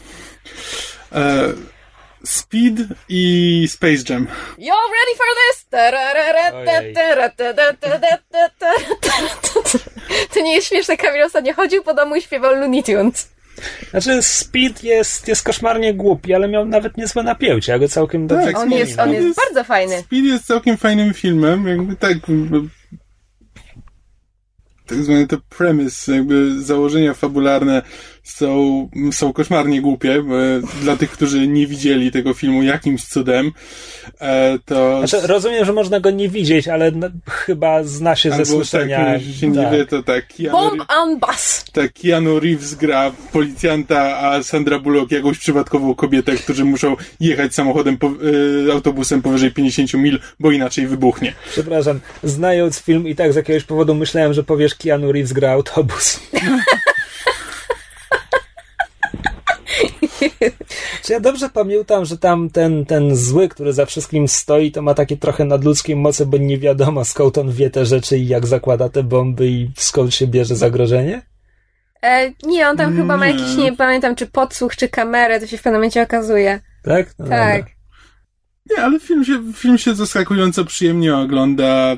To jest właśnie to taka typowa, typowa, głupia rozrywka z lat 90., Oh, która nie zestarzała się tak źle, jak e, jakby mogła. parę Jak filmów inne, sprzed tak, kilku lat. Jak inne filmy to mają zwyczaju. Mnie strasznie rozczula, że Speed miał sequel robiony według tej świętej zasady sequeli, że robimy dokładnie to samo, tylko gdzieś indziej, więc pierwsza Mhm. część była w autobusie, druga jest na okręcie pasażerskim. Okej. Gdyby doczekał się trzeciej części, byłaby w kosmosie. Tak. 100%. Nie, to, to, jest, to, jest, to są prawidła tego typu filmów. Krzysiek ma rację. Speed in space. By unikali tych meteorytów, ja wie dlaczego. E, dobrze, no ja z, y, a z kolei kosmiczny mecz też. To jest film, do którego ja mam ogromny sentyment, bo jak byłem mały, to go oglądałem 10 tysięcy razy na okrągło. Jak mały? Z którego właściwie to jest roku? 96? Szósty? Dajcie mi chwilę. Znaczy inaczej, na pewno wyszedł między 93 a 7, bo widziałam go w Polsce po powrocie ze Stanów, ale niedługo potem. Chyba. Na pewno przed końcem podstawówki. 96. Buja! Czyli... czyli... 9 lat. 9 Bo ja lat pamiętam, że ja go w kinie chyba widziałem. Ja pamiętam, A. że ja go nigdy nie lubiłem. Jako, dzie- jako dziewięciolatek nie lubiłem tego filmu. Ja byłam zachwycona. Mm. E, znaczy tak, bo przede wszystkim e, Speed obejrzałem dlatego, że akurat tłumaczyłem jakiś e, paradokument o e, Sandrze San, Bullock. Sandy Bullock. E, a z kolei Space Jam, bo, y, bo usłyszałem o nim w Harmontown, jakby o, rozmawiali o tym, ponieważ tam właśnie e, zaprosili na scenę, zapytali, czy ktoś tutaj e, lubi kosmiczny mecz, lubi Space Jam nieironicznie. Jakby tam jakaś dziewczyna, dziewczyna tam w, podeszła, że jakby tak ma sentyment, bo pochodzi z Chicago i jakby właśnie w, w tych latach, kiedy byłeś, kiedy się wychowywała, to Michael Jordan był bohaterem wielkim i tak właśnie ludzie, ludzie mają duży sentyment do tego, e, do tego filmu. E, Poza tym też zupełnie zapomniałem, bo właśnie ten Herman wspomniał, że tam pojawia się Bill Murray, który zasadniczo wchodzi i schodzi ze sceny praktycznie w pół zdania. On po prostu się tam pojawia bez żadnego uzasadnienia, schodzi bez żadnego uzasadnienia, po prostu na koniec, na koniec wraca, żeby uratować wszystkich. Też bez sensu, bo nie ma żadnej roli w tym filmie, ale pojawia się na koniec. E, i ratuje, ratuje e, mecz. Więc w każdym razie jest to jest to głupi film do bólu. Znaczy, na, nawet jeśli weźmiemy pod uwagę to, że to jest, e, że to są kreskówki Looney Tunes grające w koszykówkę z Michaelem Jordanem, e, to jakby ten film się nie trzyma kupy, ale, ale mówię, mam do niego tak ogromny sentyment, że nie jestem w stanie e, mieć mu tego za złe. Właśnie słuchaj, bo mówię, ja nie wracałem do tego filmu, ja go oglądałem kiedyś w tych, w tym 96 czy 7 E, tylko, że dla mnie on nie miał uroku kreskówek Looney Tunes. Dla mnie właśnie te animowane postacie w tym durnym filmie to nie działało dla mnie. To jakby lubię kreskówki. Lubię kreskówki z królikiem Bugsem, czy ogólnie lubię kreskówki Toma i Jerego pasjami w ogóle. Ale, ale kosmiczny mecz nigdy nie miał dla mnie tego, tego... Je ne sais quoi. Tak, na przykład. Tak. Ja, ja strasznie lubię Kosmiczny Mecz, bo jakby właśnie to był jeden z niewielu filmów, które pamiętam, że widziałam w kinie. To był chyba w ogóle pierwszy film, który widziałam w kinie, który świadomie pamiętam. I duże wrażenie na mnie zrobiło właśnie połączenie jakby animacji i, i, i aktorstwa. Drugim takim no przykładem dobra, jest, jako... kto robił Królika Rogera. No właśnie, w Króliku Rogerze to było zdecydowanie lepiej jakby zrobione. Ale dla mnie właśnie Kosmiczny Mecz to jest ten rodzaj kompletnie durnego, kiczowatego kina lat 90., do którego ja nie jestem w stanie nie mieć sympatii. Tak samo hmm. na przykład, nie wiem, e, właśnie Speed, no tak. czy nie wiem, Flaber, albo... E... Nie, mówię, to jest zły film, ja nie mam nic na jego usprawiedliwienie. Tym jakby on nie jest do końca śmieszny, te żarty są właśnie głupie, to jest po prostu wy, wytwór... E, wytwór wytwórni, tak? E, Nicely done. Dziękuję. E, po to, żeby sprzedawać, żeby sprzedawać zabawki, żeby, żeby zarabiać i technicznie rzecz biorąc, no mówię, nie jestem w stanie go usprawiedliwić, ale też mm, wciąż mam do niego na tyle duży sentyment, że przyjemnie mi się to oglądało. Ja jestem ciekawa, jak, jak, jakby na ten film zareagowała współczesna młodzież, to znaczy jak bardzo byliby w stanie go znienawidzić, bo właśnie nie mają tego sentymentu sprzed kilkudziesięciu lat, kilkunastu lat. Dziesięciu. Mm. How old are we? Nie, nie, nie wygląda już dobrze, bo jakby te efekty, efekty się postarzały, jakby ewidentnie widać, mm. widać green screen, czy tam blue screen. E, a Michael Jordan jest beznadziejnym aktorem. No to jakby wszyscy Michael, wiedzieli. Tak, Michael Jordan jak udaje, że reaguje na postać, której tak naprawdę nie było przed nim, kiedy, kiedy grał, to po prostu te wyrazy twarzy nie mają nic wspólnego z czymś, co jak kiedykolwiek, jakikolwiek człowiek zareagował na cokolwiek. Czyli był jednak lepszym baseballistą niż aktorem? Pewnie tak. No dobrze. To może ja jeszcze, skoro jesteśmy w temacie kiczowatych filmów z lat 90., wspomnę o, o, jednym filmie. Bo wydaje mi się, że wielu polskich widzów jakby nie wie, że takowy film istniał, nie ma, nie ma świadomości jego istnienia. Mianowicie chodzi o film George prosto z drzewa. Angielski tytuł George of the Jungle. E, jest to bardzo specyficzny film, bo jest to e, film z 97 roku. Jest fabularną ekranizacją e, serii kreskówek E, którego twórcami byli Jay Ward i Bill Scott. Oni zrobili między innymi e, właśnie jakby animowanego George'a prosto z drzewa, um, Łosia i jak to się nazywa? Bullwinkle. Bullwinkle i Rocky. Rocky, Rocky tak. Czyli Super Łoś i, i, i Wiewiórka Rocky. Nie, Łoś i Super Ktoś. O, Łoś i Super Ktoś, taki był polski. Rzeczywiście, zapomniałam. Ale animację, czy ten koszmar z De Niro? Nie, animację. Oni robili animację, to było chyba w latach, e, chcę powiedzieć, 50, 40 i 50 chyba? Jakoś tak. Um, I jeszcze zrobili um, animację też e, pan Peabody Sherman, co zresztą ostatnio wyszedł film komputerowy oparty na tej samej kreskówce.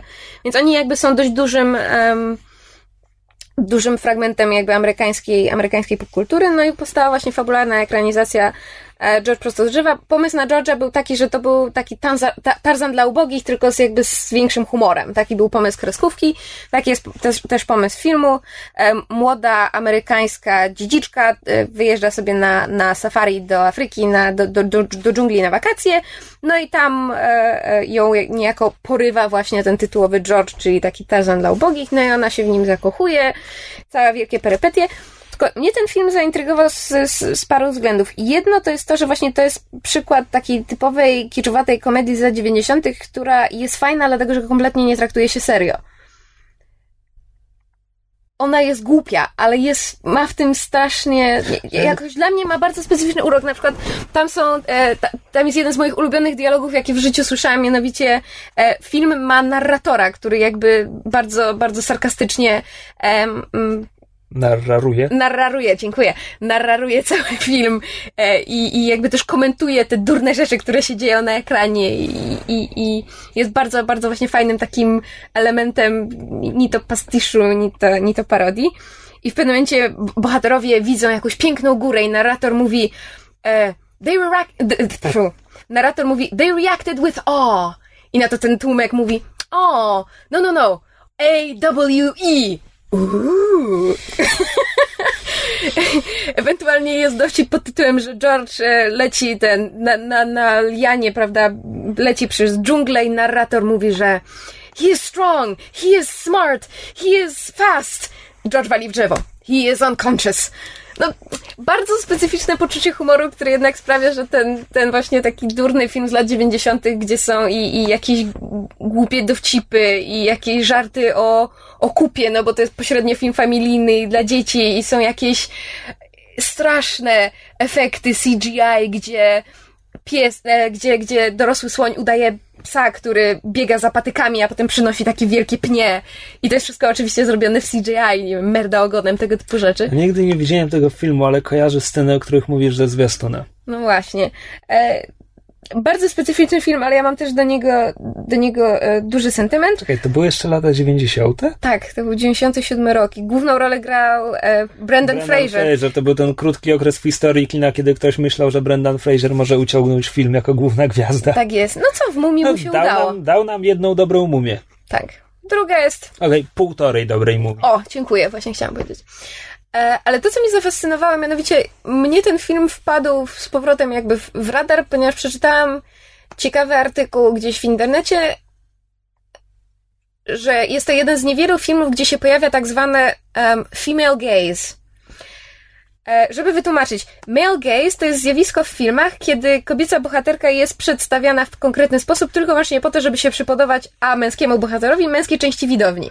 Najbardziej klasyczne to jest, jak mamy ujęcie, które, gdzie kiedy kamera przesuwa się po ciele kobiety, czy to leżącej w łóżku, czy stojącej od stóp do głów. Tak. To jest jakby wtedy dosłownie męski wzrok. Tak, a George Prostoczywa jest jednym z niewielu przykładów na female gaze, czyli jakby mężczyzna jest w tym momencie właśnie w, w roli kobiety. I rzeczywiście obejrzałam ten film, znaczy przeczytałam ten artykuł i stwierdziłam, ale nie no, serio? To jest film familijny, dlaczego mieliby coś takiego rzucić?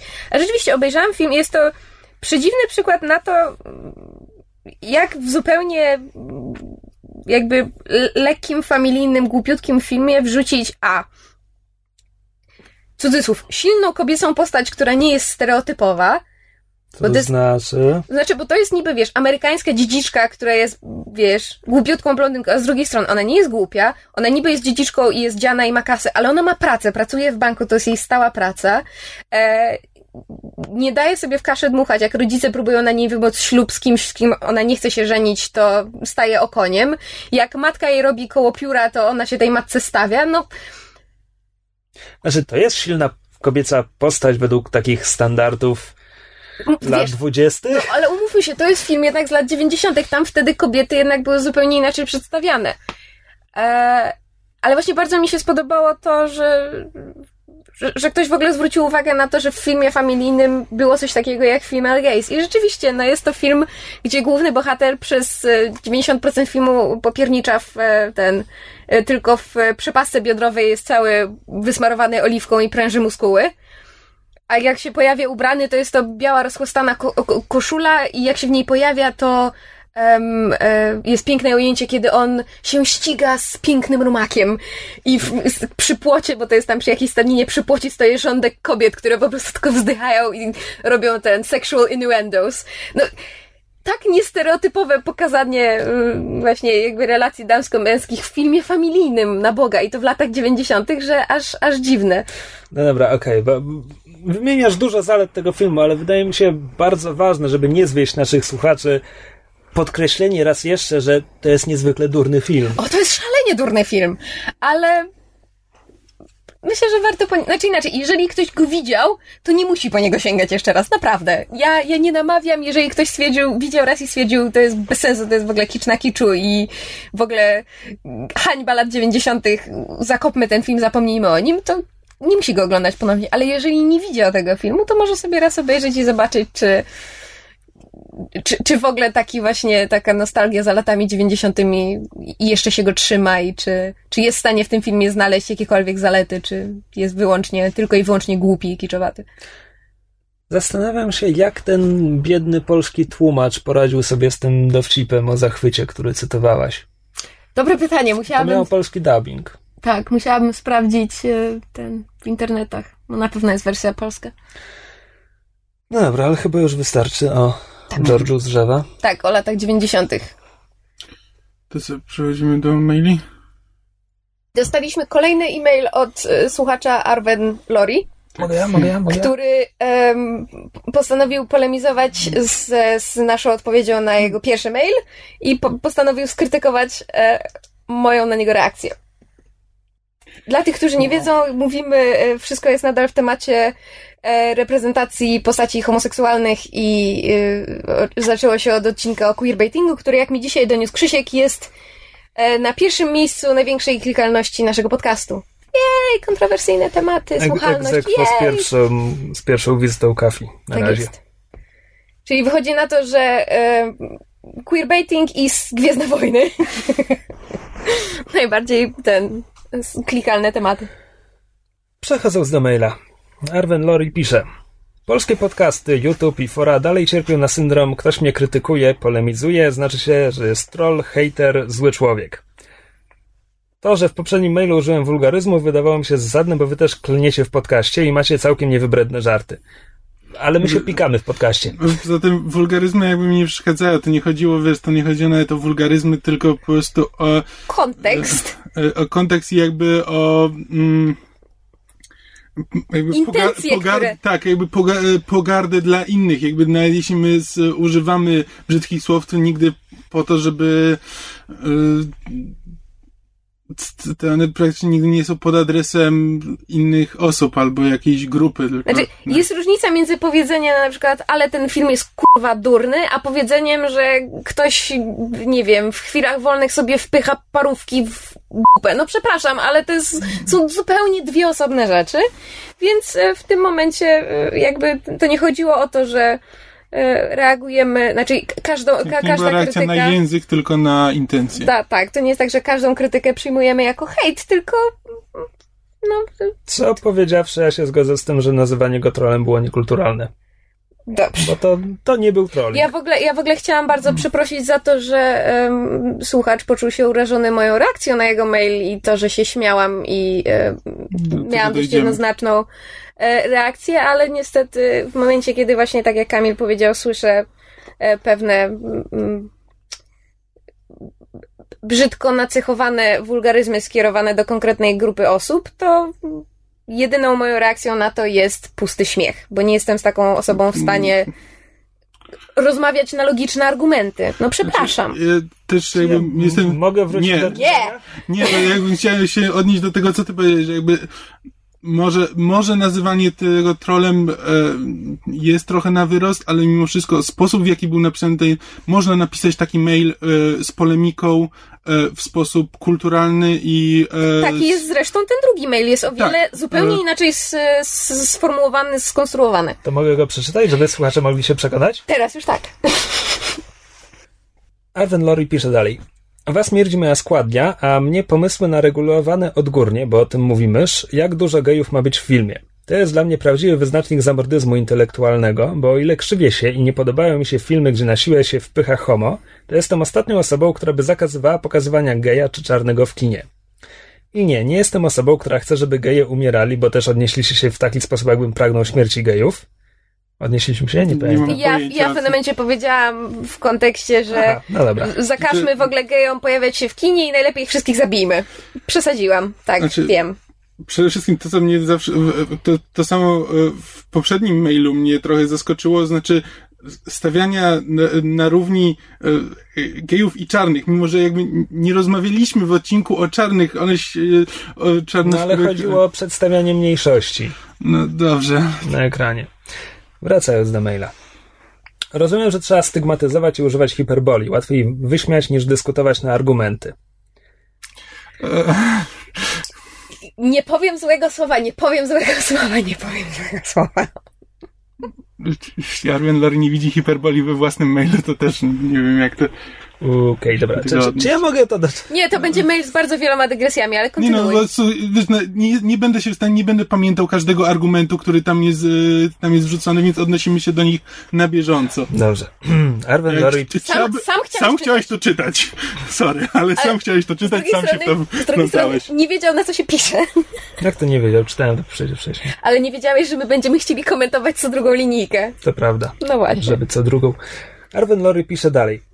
Powiem więcej i mam nadzieję, że nie zaburzy to światopoglądu myszy, ale parę filmów LGBT mi się podobało. Chociażby Dallas Buyers Club, który jest, jest zwyczajnie świetny. I tu bym miała jedną uwagę, mianowicie, owszem, Dallas Buyers Club zalicza się poniekąd do nurtu LGBT, ale to nie jest film, który w jakikolwiek znaczący sposób porusza tematykę LGBT. To jest film o AIDS. To, że jedna z postaci jest tam transseksualna, a zresztą jest moim zdaniem pokazana wyjątkowo niekorzystnie w tym filmie i że jakby jest są pokazane postacie homoseksualne, które też walczą z AIDS, to jakby jest zupełnie obok tematu. Film jest o heteroseksualnym, białym mężczyźnie, który w ramach walki z AIDS również pomagał osobom homoseksualnym. To nie jest to, o co mi dokładnie chodziło, kiedy mówiłam o, o filmach LGBT. Bardzo się cieszę, że Arwen e, widział parę filmów z tego nurtu, ale nie nazwałabym Dallas Buyers Club żadny, żadnym jakby wiodącym czy znaczącym filmie, filmem w tym, w tym nurcie. Chciał tutaj odnieść, właśnie nasz ton być może powinniśmy być powyżej tego, ale nasz ton dostosował się do maila i jeśli dostajemy w mailu właśnie zdania typu mam nadzieję, że nie zaburzy to światopoglądu myszy, które są protekcjonalne, to nic dziwnego, że my też się odnosimy potem do tego w sposób protekcjonalny. Chciałem, chciałem się tylko obronić nasze podejście do poprzedniego maila, które rzeczywiście Zwłaszcza, że- było, z- było może przy, z, zbyt prześmiewcze. Zwłaszcza, że tylko ja jestem w obu mailach wymieniana personalnie. Ale za to Więc- z małej litery. Tak, więc nic dziwnego, znaczy mam, mam nadzieję, że, że innych słuchaczy nie zdziwiło to, że miałam taką, a nie inną reakcję na pierwszy mail. Po prostu zareagowałam dość emocjonalnie, bo poczułam się em, No tak, no. niesłusznie skrytykowana. No. Odpowiedzieliśmy tym samym tonem, jakim napisany był mail, a powinniśmy byli jednak stanąć ponad to. Arwen Lori pisze dalej. A gniotem, który jest kontrowersyjny i poruszający ważne problemy społeczne, jest na przykład Jak zabiłem swoją matkę. Bardzo doceniany, gówniany film stworzony przez słabego reżysera, który jedyne czym może się pochwalić to to, że sam również lubi chłopców.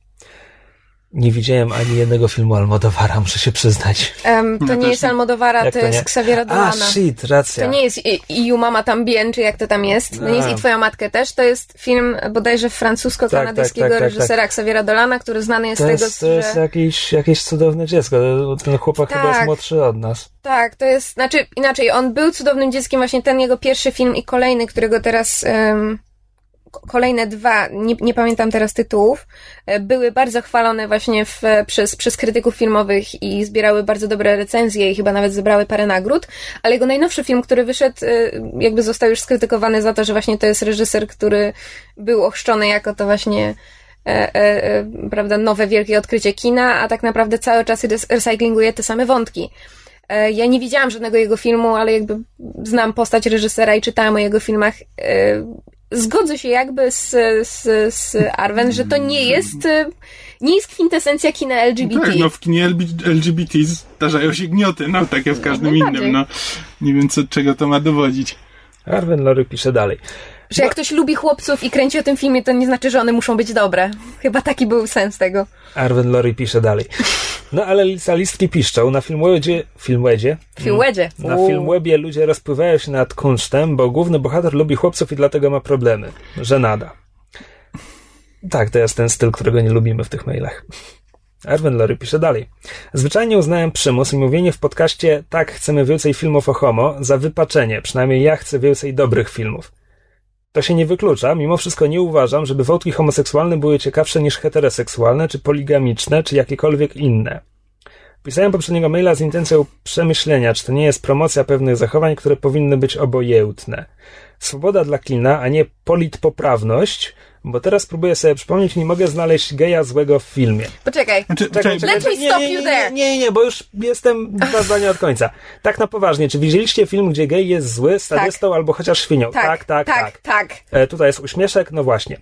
E, tyle, że nie wylewam więcej żali i frustracji, bo podcast robi się w miarę fajny, dobrze się... A, nie, mieliśmy nie czytać miłych rzeczy o nas. Dobra. Nie no, w tym wypadku możemy przeczytać po prostu jejku, e, że pokazać, że jakby tak. To, Krytyka krytyką, ale to nie wszystko. Tak. No, bardzo nam miło. E, Znaczy, Dziękujemy. e, po pierwsze, bo właśnie dlatego chciałem ci zatrzymać wtedy, bo już się, bo gubię wątek za chwilę. Em, o, że y, to, to zdanie, że zwyczajnie uznałem przymus i mówienie w podcaście tak, chcemy więcej filmów o homo za wypaczenie. E, że to, jest, to są wątki, które powinny być neutralne. No to tak samo jak bym powiedział, że chciałbym oglądać, chciałbym, żeby powstawało więcej filmów science fiction.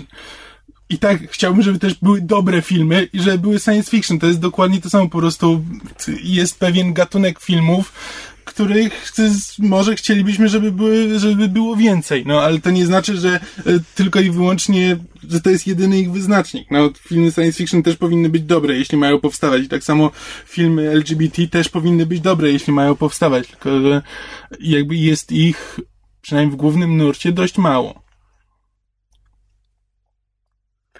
A jakby jeszcze odnosząc się do, do, do fragmentu maila, tak jak zresztą Krzysiek też potakiwał, że Arwen, mam, mam wrażenie, y, próbuje dowcipnie wytknąć, że no przecież nie ma złych gejów w, w kinematografii. Przykro mi to stwierdzić i udowodnić ci, drogi słuchaczu, że nie masz racji, ale jest wiele przykładów złych gejów w kinematografii i jest wręcz tendencja do pokazywania postaci homoseksualnych jako postaci e, tych złych, okrutnych morderców, e, gwałcicieli, zabójców. Była. No, tak była, no umówmy się. Zastanawiam się, kiedy, kiedy to się skończyło tak naprawdę. E, w późnych latach 90. Właśnie tak, bo tak sobie myślałem, że chyba jeszcze, chyba jeszcze w Dune Lyncha baron Wladimir Harkonnen jest taki mocno, ale to jest z książki wzięte. To jest pytanie teraz. No, No, ale on, w jakby- książce był, on w książce był, wiesz, sady, sadystycznym perwersem i tak dalej. No to, ale wiesz, jakby literatura i film e, szły mniej więcej em, ten e, head to head, jeśli chodzi o... o Ręka w rękę. Tak, dziękuję, ręka w rękę. Jeśli chodzi o reprezentację postaci homoseksualnych, tam w pewnym momencie literatura zaczęła wybiegać trochę trochę w przód, ale oczywiście ta, ta bardziej awangardowa. Natomiast tak, ten motyw, żeby, żeby źli mieli jakieś manieryzmy postrzegane jako gejowskie czy tak dalej, Znaczy, to on- jest oni nie musieli być- częste. Oni nie musieli być określeni wprost jako postacie homoseksualne, wręcz bardzo mogli często być. nie mogli w, być. W amerykańskim kinie przez tam kodeks Hayesa. Od lat 30. do 60. Tak, to w ogóle minus. nie można było tego nazywać po imieniu w żaden sposób, ale było to przedstawiane tak, że, że to było jasne. Sokół Maltański, którego uwielbiam, bo to jest bardzo dobry film, bardzo lubię Bogarta. Mm. Jest klasyka tralalala. No ale jest tam ten Peter Lorre i, i Sydney Tak. Mr. Cairo. E, tak, którzy no, są ewidentnie przedstawieni jako para Znaczy, gejowska. Inaczej, umówmy się, Mr. Cairo jest w filmie przedstawiony w bardzo specyficzny sposób. To znaczy, to jest ten taki, wiesz, dystyngowany, ten obcokrajowiec, tutaj chusteczka haftowana, perfum używa, prawda, ma taki bardzo specyficzny akcent. Myszu, Myszu, ale ty mówisz o takich, wiesz, ozdobnikach i tak dalej, ale tam jest scena, kiedy on rozmawia z Bogartem, bawi się laską i niemalże ją sobie do ust wkłada. Tak, ale umówmy się, w, w filmie ani razu nie jest nic a propos orient- jego orientacji powiedziane, tam jest właśnie, tam są No to sugestie. Nie mogło być, no. A w książce, na której Sokół Maltański jest oparty, Sugestie. Inaczej, uwierz mi, są osoby, które by w życiu tego tak nie odczytały. Są. Nie mając świadomości, że to powinno być tak odczytane. Może, może właśnie dlatego Arwen Lori twierdzi, że właśnie tego typu postacie się w kinie nie pojawiały, bo nie ma świadomości, jak były pokazywane i czego należy wypatrywać. Ale prawda jest taka, że w, w oryginalnej książce, na której e, Soku Maltański, Maltański jest oparty, jest wyraźnie powiedziane, sekretarka sama Spade'a wyraźnie mówi, przyszedł pan Cairo, homoseksualista. Znaczy, może nie tymi słowy, ale mniej więcej tak to wygląda. Na Na wizytówce ma napisane.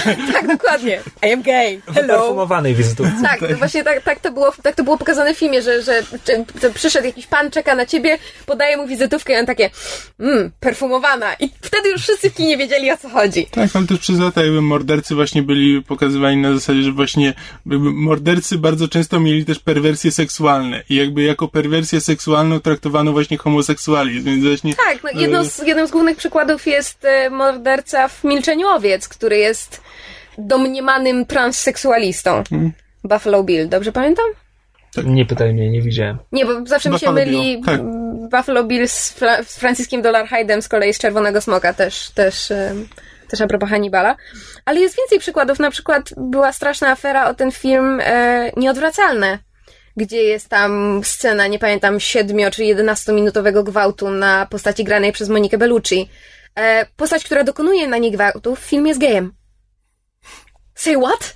No po prostu, w ogóle skąd im się to wzięło? No więc e, jakby e, postacie e, homoseksualne przeszły bardzo specyficzną e, karierę w, w jakby w ciągu ostatnich stu lat kinematografii od em, takich właśnie egzaltowanych na zasadzie oho, czajniczek przez em, postacie właśnie jakby tylko sugerowany homoseksualizm w, w czasach kodu Hayesa przez potem em, piętnowanie homoseksualizmu jako czegoś, czego należy się wstydzić, e, najlepiej się zabić, w ogóle jeżeli postać ma jakiekolwiek tendencje homoseksualne, to zazwyczaj źle kończyła, bo albo em, kogoś zabijała i za to lądowała w więzieniu, albo kogoś zabijała i popełniała samobójstwo, albo popełniała samobójstwo, albo ktoś ją zabijał. Homoseksualizm był przez całe mm, kilkadziesiąt lat kinematografii piętnowany na wiele możliwych sposobów, dos- dopiero w ciągu ostatnich 15-20 lat zaczęło się Tak, coś to- w tej kwestii było- zmieniać. To było mniej więcej tak traktowane, jak teraz są e, jakby takie wytyczne właśnie tych organizacji, które przydzielają ograniczenia wiekowe e, w Stanach. To jest na przykład tak, że można pokazać e, narkotyki, ale musi się to wiązać z jakimiś negatywnymi konsekwencjami. I mniej więcej tak to było też, e, tak było też z homoseksualizmem, że można pokazać postać homoseksualną pod warunkiem, że e, Się to napiętnuje. Tak, że to jest, że to jest piętnowane i że później ją spotka za to e, jaka, jakaś kara. Więc skąd się bierze to, ta nasza e, wstrętna propaganda, żeby może jednak było więcej filmów o tematyce homoseksualnej takich postaci? Mówię osobiście w tym momencie o, o, o moim spojrzeniu na sprawę. Chodzi o to, żeby w jakiś sposób wyrównać właśnie to, jak ten temat był przedstawiany kiedyś i pokazać, że no sorry, mimo wszystko nie tak to wygląda i nie tak się powinno do tego podchodzić. To jest, to jest moja jedyna jakby argumentacja. No tak, no ja też mam tego, moja argumentacja jest taka, że no filmy jednak pełnią jakąś tam funkcję edukacyjną i... To jest przede wszystkim lustro rzeczywistości i, i jeżeli chcemy w jakiś sposób odwier- odzwierciedlać współczesną rzeczywistość, to jednak tr- trzeba homoseksualizm pokazywać.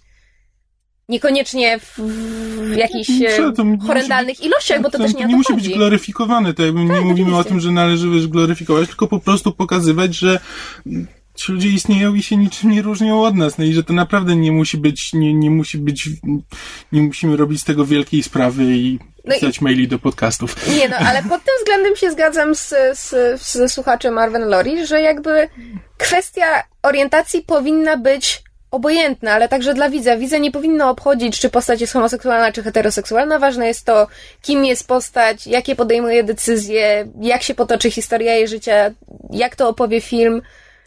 No dobra, ale czy możemy w tym momencie oczekiwać, że widzów to nie będzie obchodzić, kiedy tak bardzo obchodzi twórców?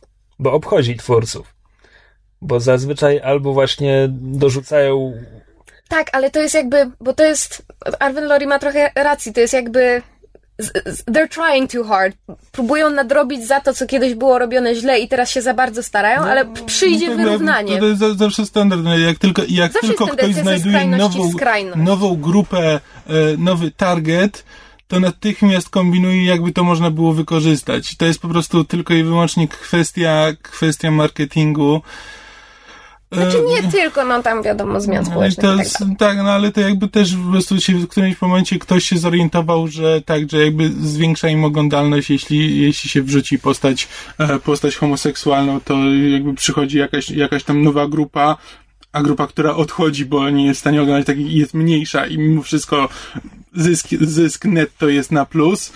Um, ale no to, to przejdzie, bo to zawsze tak jest. Yy, i zawsze w którymś momencie jest właśnie jest przeszarżowany każdy marketing tak działa, że jak tylko ktoś się, e, ktoś się orientuje, że może na czymś zarobić, to wszyscy się na to rzucają, po czym nagle się orientują, że już się zrobiło trochę tutaj... Jest przesyt rynku, Tak, no. jest przesyt i wszystko wraca do normy i się z powrotem, z powrotem stabilizuje. Po prostu jakby jesteśmy teraz w tym takim momencie przejściowym, przynajmniej ja tak, ja tak to widzę, ja tak Mhm. uważam. No. To teraz mamy sytuację przesytu rynku homoseksualizmem?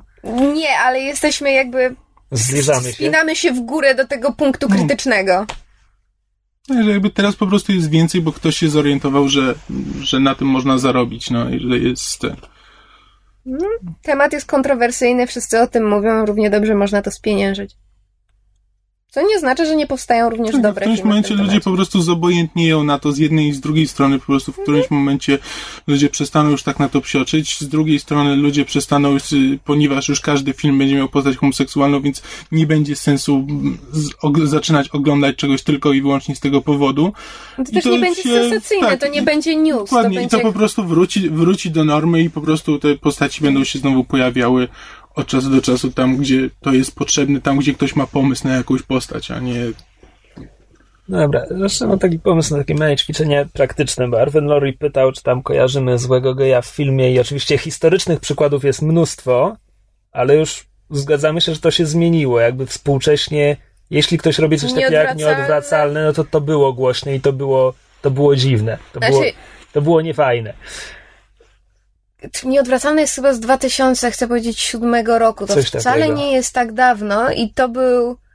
To jest chyba jeden z, z trzech współczesnych przykładów, które, które jakby gdzieś mi się obijają. Nie pamiętam teraz dwóch, ale jakby No to umówmy się, że Mówmy trzy się, w ciągu ostatnich, w ciągu ostatnich powiedzmy czterech, pięciu lat już rzeczywiście jest trudniej coś takiego znaleźć jak typowo zły gej. Raczej jest po prostu, że, że postać homoseksualna została, nie wiem, stereotypowo albo nie do końca wiarygodnie przedstawiona. Nie ma czegoś takiego, że została specjalnie przedstawiona niepozytywnie. Raczej rzadko się coś takiego spotyka. Dobra, to była tylko pierwsza część mojego ćwiczenia praktycznego, bo teraz czy jest film, który nie byłby właśnie, wiesz, na sztandarach kina LGBT czy cokolwiek, który ma postać homoseksualną głównego bohatera? I to nie, i to nie jest temat filmu, że on jest homoseksualny.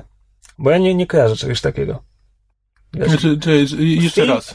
Film, gdzie główny bohater jest homoseksualistą, homoseksualistką, biseksualistą, whatever, e, który nie jest o tym, że ta postać jest LGBT. Dumbledore? No ale to jest. To nie jest główna dajmy postać. sobie spokój, przecież.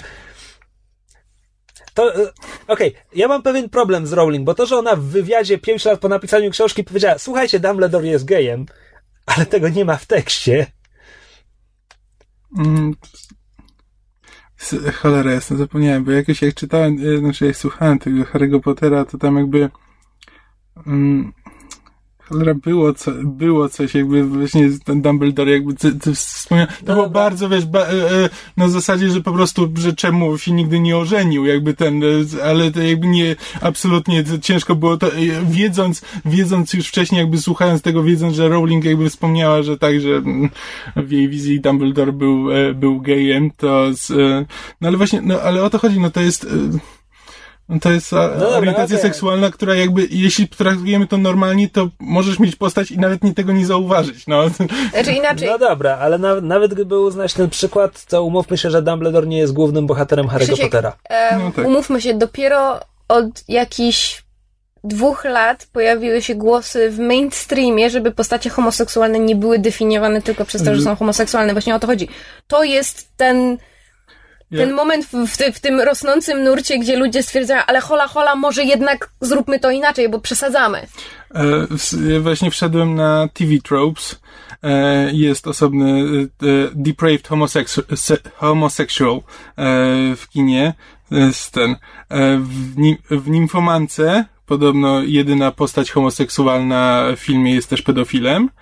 Skyfall. E, Javier Bardem. Javier Bardem, tak, też gra.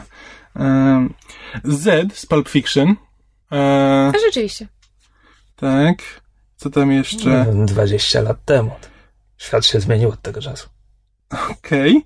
Te- Nie widziałem filmu, ale film e, The X-Files, I Want to Believe, ten film pełnometrażowy na podstawie e, X- Ale że który pierwszy, bo były dwa chyba. I Want to Believe, nie wiem, który To, to, to jest. drugi, bo pierwszy to był Fight the Future. E, tutaj jest napisane, że seryjny morderca e, porywa młode kobiety, żeby, żeby stworzyć jego chłopakowi e, ciało dziewczyny. Cokolwiek by to znaczyło. Nie widziałem filmu, więc ciężko mi jest, e, ciężko mi jest stwierdzić. Ale w serialach typu procedural, na przykład w Criminal Minds też wielokrotnie były tematy pod tytułem jeżeli ktoś jest zabójcą, to prawdopodobnie ma jakąś perwersję na tle seksualnym. Z częstą sugestią homoseksualizmu albo transseksualizmu, albo transwestytyzmu, bo to też pod to podpada. Bardzo wiele postaci zabójców miało, w kinematografii miało skłonności do przebierania się w y, ubrania płci przeciwnej. Psychoza. Zaburzenia osobowości, no chociażby. E, Też, też filmu nie widziałem, ale zna, znany film, e, jak to, jaki to miał polski tytuł, Nieznajomi w pociągu, Strangers on a Train. No, ale to A. znowu Hitchcock pół wieku temu to zrobił. No tak, to jest jakby właśnie z tym. A odpowiadając na twoje pytanie, ten drugie ćwiczenie, czy są filmy nie na czołówce, że tak powiem, afiszu kina LGBT, gdzie postać nie jest określana przez swój homoseksualizm? Są, ale jest ich bardzo niewiele i są bardzo niszowe. No dobra, ale zauważ, że ja mówiłem główna, o, to- o to mi chodzi, bo, bo pytanie jest, czy kojarzymy złego geja? Owszem, kojarzymy. Czy kojarzymy głównego bohatera geja w filmie, który nie jest o tym, że on jest gejem? Brokeback Mountain? Mm, To jest bardzo film o tym, że oni są gejami. Nie, to jest film o miłości, nie ma, bo, o- to, o jak- bo to jakby jest na tyle kontrowersyjny temat, tak, jak, tak samo jak wiesz, mało postaci e, głównych bohaterów czarnoskórych. Jakby mimo wszystko No w głównych... jest ich jednak trochę więcej. Teraz, no teraz już jest więcej, no ale cele, tak, ale jakby w, Jest cały przecież nurt czarnego kina. ale z, ale jednak jest taka tendencja, żeby jak mamy głównego bohatera, to trzymamy się tego, że on ma być mężczyzną, ma być biały em, i, tym- i Ma być heteronormatywny, tak. E, Przypomniałem sobie, tylko że schrzanili to w sequelu.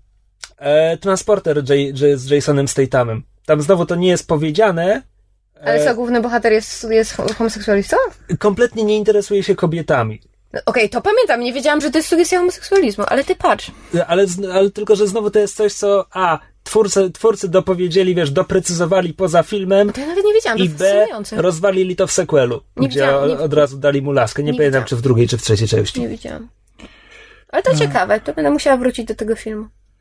Ale nie na przykład, znaczy, umówmy się, są filmy, gdzie są homoseksualne postacie i jakby film się skupia trochę na czym innym, ale ten wątek homoseksualizmu zawsze wraca, bo homoseksualizm, kiedy jest omawiany w filmach, to bardzo często niestety jest, pojawia się ten wątek, nie wiem, dyskryminacji, nietolerancji, problemów prawnych, problemów społecznych. No jakby to jest, ten temat jest na tyle obecnie świeży, że tak jak kiedyś em, kwestie koloru skóry się poruszało tylko właśnie kwestii, prawda, dyskryminacji, getta, o jesteś czarny, to na pewno jesteś kryminalistą, no tego typu stereotypy, tak samo jest teraz w kinie LGBT, więc nawet jeżeli nie jest poruszana kwestia tego, że jesteś homoseksualistą, uprawiasz seks z mężczyznami, to jest poruszana kwestia, jesteś homoseksualistą, jak się odnajdujesz we współczesnym świecie, w tym kontekście. Jest na przykład piękny film, oczywiście teraz... Próbowałeś kiedyś nie być mutantem?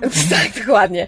E, Jest na przykład przepiękny film em, o parze homoseksualistów, którzy chcą adoptować chłopca z zespołem Downa.